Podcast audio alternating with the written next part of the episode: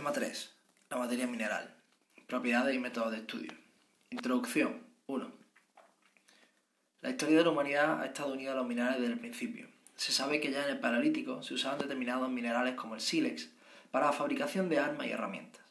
A finales del Paleolítico y durante el Neolítico ya se practicaban pozos de cierta profundidad y galerías para realizar prospecciones de los mismos. El hallazgo de los metales en estado nativo marcaba un importante hito en la historia de la humanidad. El uso de oro, plata y cobre, debido a sus propiedades, se generalizó para, la fabricación de objetos ornamentales y algunos utensilios domésticos. Sin embargo, no había suficientes para ser empleados en la fabricación de armas y herramientas. Por eso, más importante fue el posterior descubrimiento de los metales contenidos en los minerales. Hoy en día se siguen usando minerales para la vida cotidiana. El móvil que tenemos en el bolsillo, el cristal de las ventanas o el pavimento que pisamos están hechos de minerales. De hecho, la mayoría de productos fabricados hoy día contienen materiales obtenidos a partir de los minerales. Hemos hablado de minerales, pero ¿qué es un mineral? Nos centraremos en el contexto geológico para definirlo. Un mineral es un sólido orgánico Un mineral es un sólido inorgánico natural que posee una estructura cristalina ordenada y una composición química bien definida. Actualmente se conocen unas 5.000 especies distintas de minerales. En este sentido, y para entender el tema que se expone a continuación, es importante conocer la diferencia entre un mineral y una roca, ya que las rocas pueden definirse como agregados naturales, coherentes y multigranulares de uno o más minerales.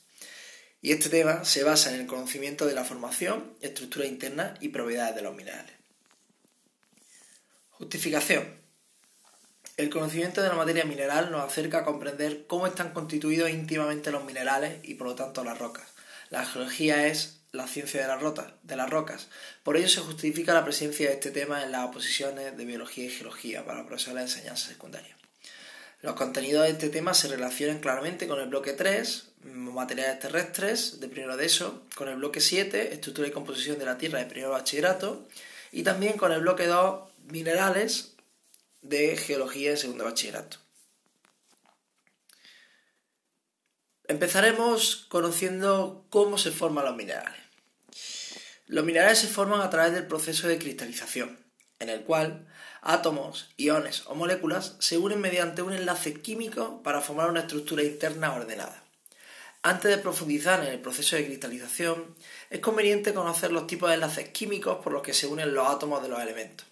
Estos enlaces pueden ser iónicos, covalentes, metálicos o híbridos. En los enlaces iónicos, un átomo cede uno o más de sus electrones a otro para formar iones. El átomo que pierde electrones se convierte en un ion positivo o cation y el que gana en un ion negativo o anión.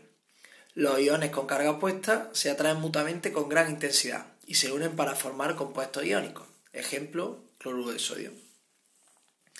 En los enlaces covalentes, los átomos comparten un par de electrones y, permanecen fuertemente unidos sin la presencia de iones. El grupo mineral más común, los silicatos, contiene átomos de silicio únicos. perdón. El grupo mineral más común, los silicatos, SIO, contiene átomos de silicio unidos covalentemente al oxígeno. En los enlaces metálicos, los electrones de valencia tienen libertad para moverse de un átomo a otro, de manera que todos los átomos comparten los electrones de valencia disponibles. Por ejemplo, el oro, cobre y aluminio tienen enlaces metálicos. El enlace metálico es el responsable de la elevada conductividad eléctrica de los metales, de su maleabilidad y de otras características. En realidad, muchos enlaces químicos son híbridos, que, consisten en cierto grado en enlaces iónicos y en cierta medida en enlaces covalentes. La predominancia de uno u otro depende de la electronegatividad, la tendencia de un átomo a adquirir electrones. Cuando la diferencia de electronegatividad entre dos átomos es pequeña, los enlaces son preferentemente covalentes. Por el contrario, cuando es grande, los enlaces tienen un marcado carácter iónico. Además de los anteriores enlaces, existen otro tipo de enlaces como puentes de hidrógeno, fuerza de Van der Waals y otros enlaces moleculares. Pero estos son más propios de sustancias orgánicas y por ello no serán objeto de estudio en este tema. Una vez aclarados los diferentes tipos de enlaces, es hora de profundizar en el proceso de cristalización de los minerales. Cristalización. La cristalización puede producirse de muchas formas y bajo muchas condiciones diferentes. En este caso examinaremos tres de los modos más amplios de cristalización. 1. Saturación y o precipitación.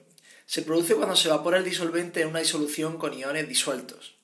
Con la evaporación aumenta la concentración de iones hasta que la disolución, la esté saturada.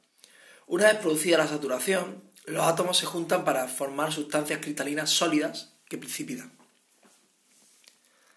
Solidificación de materiales fundidos por enfriamiento. Un descenso en la temperatura puede hacer que los líquidos cristalicen en sólidos, como por ejemplo la formación de hielo a partir de agua líquida. La cristalización de los minerales procedentes de los magmas fundidos, aunque es más complicada, es similar a la congelación del agua. Un, proceso parecido es el de sublimación, que también puede cristalizar minerales por el enfriamiento repentino de un gas. Cristalización biológica. Organismos como las bacterias microscópicas también son responsables del inicio de la cristalización de cantidades importantes de materia mineral. Por ejemplo, la pirita, cuando se encuentra en capas de lutita y de carbón, normalmente se genera por acción de ciertas bacterias. Una vez visto por qué se produce la cristalización, veremos las condiciones que la provocan. Desde un punto de vista de las condiciones de cristalización, se puede considerar un mineral como una fase estable, resultado de unas determinadas condiciones de presión, temperatura y ambiente químico, de modo que evoluciona, se reestructura cuando estas condiciones varían. El aumento de presión provoca modificaciones en la red cristalina de los minerales, evolucionando, evolucionando dicha red hacia formas de empaquetado más denso. La temperatura influye en el grado de vibración de los átomos, iones o moléculas que forman la estructura de un mineral, por lo que una variación de temperatura implica una variación en la estabilidad mineral. Así, una temperatura demasiado elevada puede destruir por completo la estructura interna de un mineral. Estructuras cristalinas. Las caras planas y la simetría que poseen los cristales bien desarrollados, o el modo de romperse, son manifestaciones del empaquetado ordenado de los átomos, o moléculas que constituyen la estructura interna de un mineral. La estructura cristalina, tal como hoy la conocemos, ha sido producto de un proceso de construcción histórica, de una teoría, desarrollada entre los siglos XVII, XVIII y XIX, la teoría reticular. En el siglo XIX, el gran científico francés Bravais supuso que los cristales estaban constituidos por lo que él llamó partículas cristalinas, que en forma de puntos se disponían formando una red tridimensional. Bravais además demostró que solo son posibles 14 redes básicas a partir de las que sostienen todos los poliedros cristalinos. La hipótesis formulada por Bravais es el núcleo de la teoría regular, reticular cuya validez fue confirmada con la utilización de técnicas de rayos X, los cuales pueden pasar entre los átomos que forman la red cristalina. Al atravesar la estructura e impresionar una placa fotográfica, situada convenientemente, revelan por la disposición ordenada de las impresiones y por lo tanto la también ordenada disposición de la materia cristalina. Gracias a la confirmación de esta teoría mediante el uso de rayos X, se estableció que la disposición del empaquetamiento de cada mineral provoca unidades de construcción básicas, denominadas celda unidad o unitaria, que tienen formas cúbicas. Sin embargo, estas celdas pueden unirse para producir cristales de muchas formas, como octaedros, dodecaedros, etc. Ahora vamos a ver las características de la materia cristalina.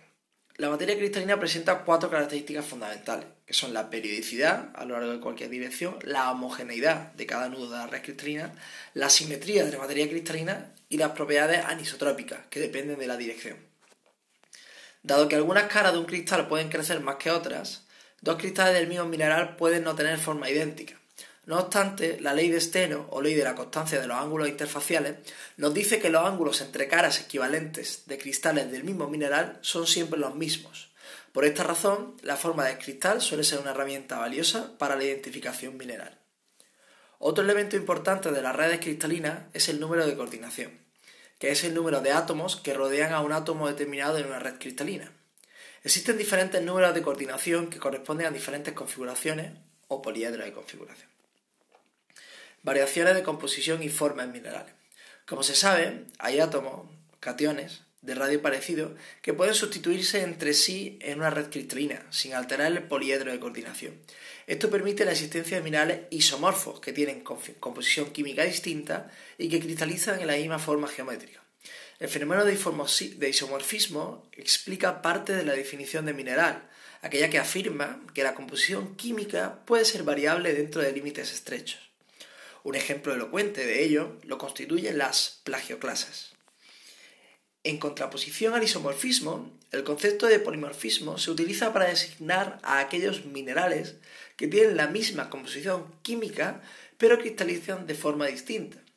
El grafito y el diamante son ejemplos particularmente buenos de poliformismo, porque cuando son puros están formados exclusivamente por carbono y sin embargo tienen propiedades drásticamente diferentes. Se sabe que calentando grafito a presiones de confinamiento elevadas, se pueden producir diamantes sintéticos. A mediados del siglo XX se crearon los primeros diamantes sintéticos y hoy en día es una industria en auge. Ejemplo de ello es una empresa andaluza, única en España, que se dedica a la fabricación de diamantes artificiales y que tiene su sede en Carmona, Sevilla. Maclas. Una macla es una asociación simétrica de dos cristales, de tal manera que uno puede situarse paralelo al otro, ya sea por reflexión sobre un plano común, llamado plano de macla, ya sea por giro de 180 grados alrededor de una línea denominada eje de macla. Las maclas simples están formadas por dos individuos cristalinos, recibiendo los siguientes nombres. Macla de justaposición, cada individuo se desarrolla a un lado del plano de macla, como en la macla de punta de flecha del yeso, Maclas de interpenetración. Los dos individuos maclados se desarrollan a ambos lados del plano de macla, como en la cruz de la astrolita. O las maclas de complemento, en la que los dos individuos cristalinos se maclan de tal manera que reproduce una simetría mayor, como la cruz de hierro de la pilita. Las maclas compuestas tienen dos más de dos individuos y destacan la polisintética, con varios planos de macla paralelos, como las plagioclasas, o las miméticas, ¿vale? como el aragonito. Cuando los cristales se agrupan de forma no simétrica se denominan agregados cristalinos. Los más frecuentes son las geodas, cavidades rellenas de cristales en disposición cóncava, y las drusas en forma convexa, o los agregados fibrosos y dendríticos como la pirolusita. Propiedades de la materia mineral y los métodos de estudio. Para el estudio de los minerales, incluyendo su identificación y determinación, se suelen emplear los siguientes métodos el análisis de las propiedades macroscópicas, el estudio de las propiedades ópticas con microscopio petrográfico, los ensayos químicos, analíticas para determinar su composición, o el estudio de las propiedades estructurales por rayos X. Merece un tratamiento especial, por lo habitual de su uso y la accesibilidad, las propiedades macroscópicas. El estudio de las propiedades macroscópicas nos encontramos el brillo, que es el aspecto que ofrece un mineral a reflejar la luz, el brillo metálico es propio de los metales nativos y de muchos sulfuros. El brillo no metálico puede referirse a varios tipos de aspectos, vitrio, adamantino, resinoso, mate, graso. El color es una importante propiedad para la determinación de un mineral, dado que muchos minerales presentan un color constante, como por ejemplo el azufre. En estos casos se dice que tienen coloración inherente. Pero a veces el color de un mineral cambia, dependiendo de pequeñas impurezas que contenga o de ligeros cambios en su composición. Se llaman minerales de coloración exótica. La dureza. La dureza de su mineral es su resistencia a ser rayado. Un cuerpo es más duro que otro si raya este y no es rayado por él. En mineralogía se emplea corrientemente la escala de dureza de Mohs. Tenacidad. La tenacidad es la resistencia de un mineral a la rotura, no teniendo ninguna relación con la dureza. En general, frente a la tenacidad, los minerales se denominan resistentes o frágiles. La raya es el color de un mineral en forma de polvo y se obtiene frotando el mineral contra una pieza de porcelana blanca sin pulir. La exfoliación es la propiedad que presentan los minerales de romperse según un plano determinado. Generalmente se observa a simple vista. Se distingue entre exfoliación fibrosa, si la línea de fractura está en una sola dirección, plana, lineal, rómbica, romboédrica o cúbica. Además de las propiedades ya comentadas, otros minerales pueden reconocerse por otras distintivas. Por ejemplo, la alita es la sal común, de manera que puede identificarse fácilmente a través del gusto. El, el talco y el grafito provocan sensaciones particulares al tacto. Son como grasosos, untuosos. La raya de muchos minerales con azufre tiene un olor muy fuerte y los minerales con, alto contenido de hierro pueden ser atraídos por un imán. Otros, minerales poseen propiedades ópticas especiales. Por ejemplo, cuando se coloca una muestra transparente de calcita sobre material impreso, las letras aparecen duplicadas. Esta propiedad óptica se conoce como birefringencia. Clasificación de los minerales. Los minerales se sitúan en categorías de una manera muy parecida a cómo se clasifican los animales y las plantas. Las especies minerales suelen asignarse a una clase mineral en función de sus aniones o complejos como veremos en la siguiente tabla. Las clases minerales, además, se pueden subdividir en función de ciertas semejanzas en la estructura o composición de las especies minerales. En este caso, nos centraremos única y exclusivamente en las clases minerales. Los silicatos, aniones sí o negativo, miembro cuarzo. Carbonatos, aniones CO3, 2 negativo, miembro cuarcita, fórmula CaCO3. Aluros, clorofluorobromo negativo, miembro alita, fórmula NaCl. Óxidos O2 negativo, hematites, Fe2 o 3. Sulfuros, S2 negativo, pirita, CS2. Sulfatos, SO4 2 negativo, anhidrita, CaSO4. Elementos nativos, elementos simples, como el oro, el cobre y la plata, con su fórmula AUQAG. Conclusión. Acabamos de ver cómo, a través de diferentes métodos de estudio, se ha ido conociendo la materia mineral, su formación y sus propiedades.